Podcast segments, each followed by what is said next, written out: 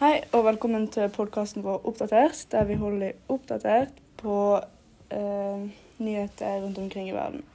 Eh, jeg er programleder, og i dag har jeg med meg fagperson Sunniva, Hei, hei. som eh, skal eh, informere oss litt om situasjonen over Irak som en muslimsk republikk. Ja. da kan vi da starte med den islamske republikken Iran. Etter den iranske revolusjonen i 1979 så endra landet styremåte. Her ble jo livene til de iranske borgerne endra over natta på en drastisk måte. Kan ikke du fortelle litt mer om det? Jo, det var jo etter den eh, iranske revolusjonen, som du sa, at eh, Iran ble forandra fra et vestlig orientert monarki til å bli en islamsk teokratisk republikk. Eh, denne revolusjonen var jo òg delt inn i to faser. Eh, I første fase så var det en allianse av liberale, venstreradikale og religiøse grupper som velta sjahen.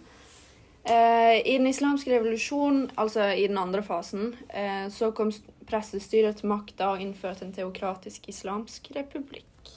Vi kan snakke lenge om den iranske revolusjonen, men eh, for å gå litt mer inn på hvorfor det ble revolusjon, så kan vi snakke om den tidligere Shan Mohammed Resh eh, Palaiv.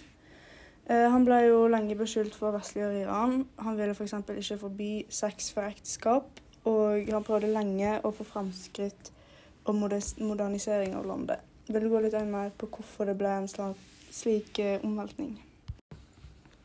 Ja, I tida før revolusjonen så var det spesielt fattige da, som reagerte på at sjahen prøvde å modernisere landet, og da hans forsøk på framskritt. Eh, de ønsker jo å få tilbake den grunnle grunnleggende islamske livsstilen, eh, sånn som de islamske retningslinjene, som sex før ekteskap. Det ønsker Shahan ikke å for, eh, forby, sånn som du var inne på. Eh, og de eh, fattige oppfatter det som at eh, hans reformer kun tjente på hans interesser. Um, håp om å skaffe seg framskritt forsvant, uh, og gapet mellom rike og fattige ble bare større. Uh, de så på det han gjorde med landet som vestliggjøring. Uh, etter denne omveltninga så ble det òg ulike kjønnsroller og familieroller i heimen. For eksempel så var det vanskeligere å argumentere for at kvinner ikke skulle få like retter som menn. Da kan vi gå litt inn på at Iran er en shia-islam-statsreligion, og rundt 90-95% av befolkninga er shia-muslimer. Eh, Da er altså Iran styrt av shia-islam. Eh, Hvordan kan dette påvirke forholdet til eh, lander rundt om f.eks. Irak og Saudi-Arabia, der statsmakta tilhører sunnimuslim?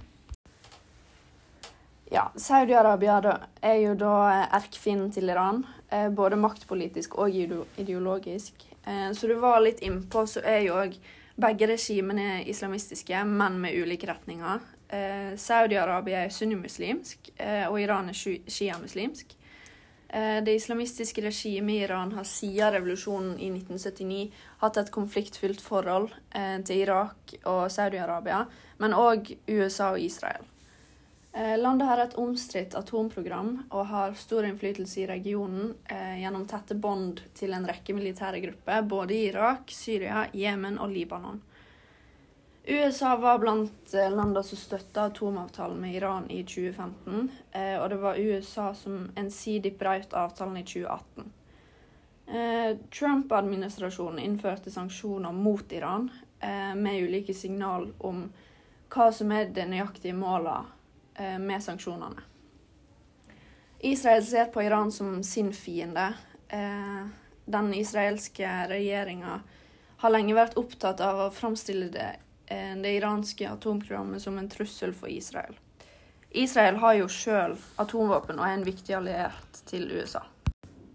Vi kan da gå litt inn på Koranen. da. Eh, en kan jo ikke i dagens samfunn lese Koranen direkte og følge den til punkt og prikke.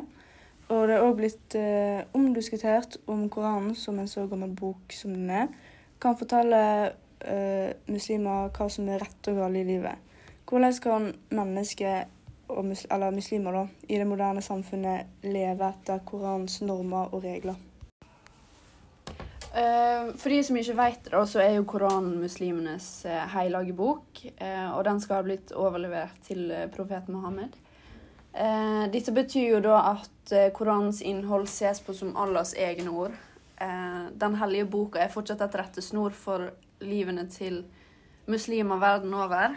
Eh, Koranen inneholder påbud og forbud, eh, og disse ble utgangspunktet for en etisk lovtradisjon da, som er unik for islam. Eh, islam er rett og slett en lovreligion. Eh, det betyr at en rekke fastsatte lover og regler for oppførsel avgjør hva som er rett og galt. Og disse lovene da er jo som du sa basert på Korans ord, Mohammeds eh, eksempel og jurist, juridiske tolkninger. Eh, kan du fortelle litt mer om eh, det lovene er basert på? Det er jo mange etiske problemstillinger som ikke tas opp direkte i Koranen. Eh, her kommer da hadith-litteraturen inn.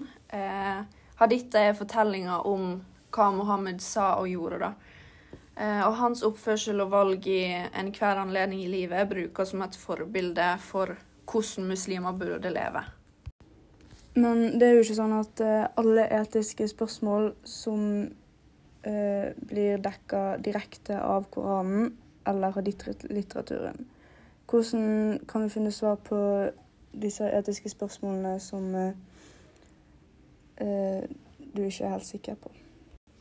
Jo, det gjorde, eh, det gjorde nødvendig å utarbeide et felles islamsk lovsystem.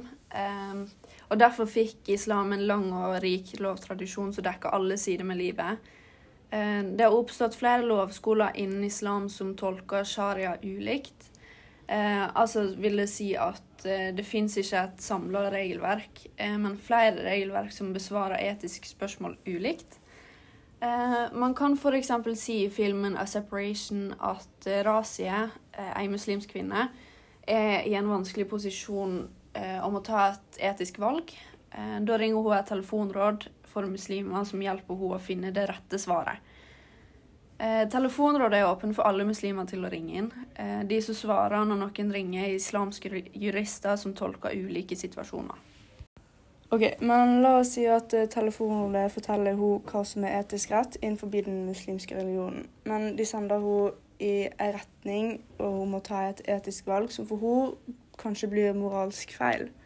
Eh, blir dette da hennes synd, altså hennes ansvar, eller blir det da rådets synd?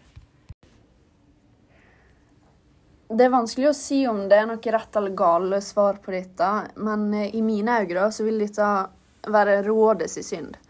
Eh, de har et ansvar når, en, når, de veileder og hjelper muslimer når de er en, i en vanskelig situasjon. Eh, og da lurer jeg på om hva som er det rette etiske valget. Men jeg vil fortsatt ikke kunne si hvordan Razia ville følt skyld i dette tilfellet. Eh, det blir individuelt fra muslim til muslim. Eh, det kan godt være at hun ville følt seg syndig, eh, eller så kan hun ha tenkt at hun fulgte rådet som islamske jurister tolker det som var det rette valget for ei muslimsk kvinne. Ja, og nå når du snakker litt om kjønnsrollen i, i, Iran, så ser vi hvordan de har endra seg de siste ti åra etter omveltninga. Fra et vestlig ståsted eh, så har islam blitt sett på som en av de religionene med mest forskjellige, eller forskjeller fra mann til kvinne. I filmen eh, ser vi en litt annen realitet enn eh, slik eh, det, vist, det, har vist før. Eh, det er altså den Oscar-vinnerne filmen, 'A Separation', som vi nevnte tidligere. Eh, de tar opp litt ulike temaer når det gjelder kjønnsfordeling. Det er litt tankevekkende i forhold til hvordan det vises i media. da. Hvordan har dette utvikla seg de siste ti åra i Iran? Gjennom historien så har jo man sett til Koranen på hvordan kjønnsrollene skal være i heimen òg. Da har det vært vanlig å se til mannen som den fremste personen i ekteskapet. da, med hermetegn. Eh, det er nesten en selvfølge at det fins mange forskjellige syn på kjønnsroller. Og de siste ti åra ca. Eh, så har det skjedd store omveltninger. F.eks. så er det mer fokus på likestilling mellom, mellom menn og kvinner i dag. Eh, dette ser vi igjen når der altså mannen i middelklassefamilien da, i filmen ber Terme, eh, dattera, eh, gå ut og få tilbake pengene etter hun hadde gitt dem vekk.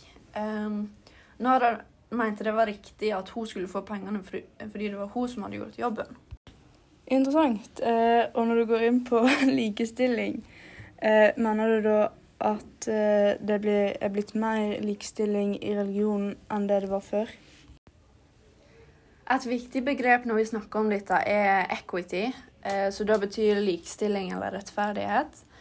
Eh, de muslimene som hevder at eh, de fysiske forskjellene mellom mann og kvinne krevde at de hadde forskjellige roller i heimen og i samfunnet, de har nå vanskeligere for å støtte opp deres argument i forhold til menneskerettighetene.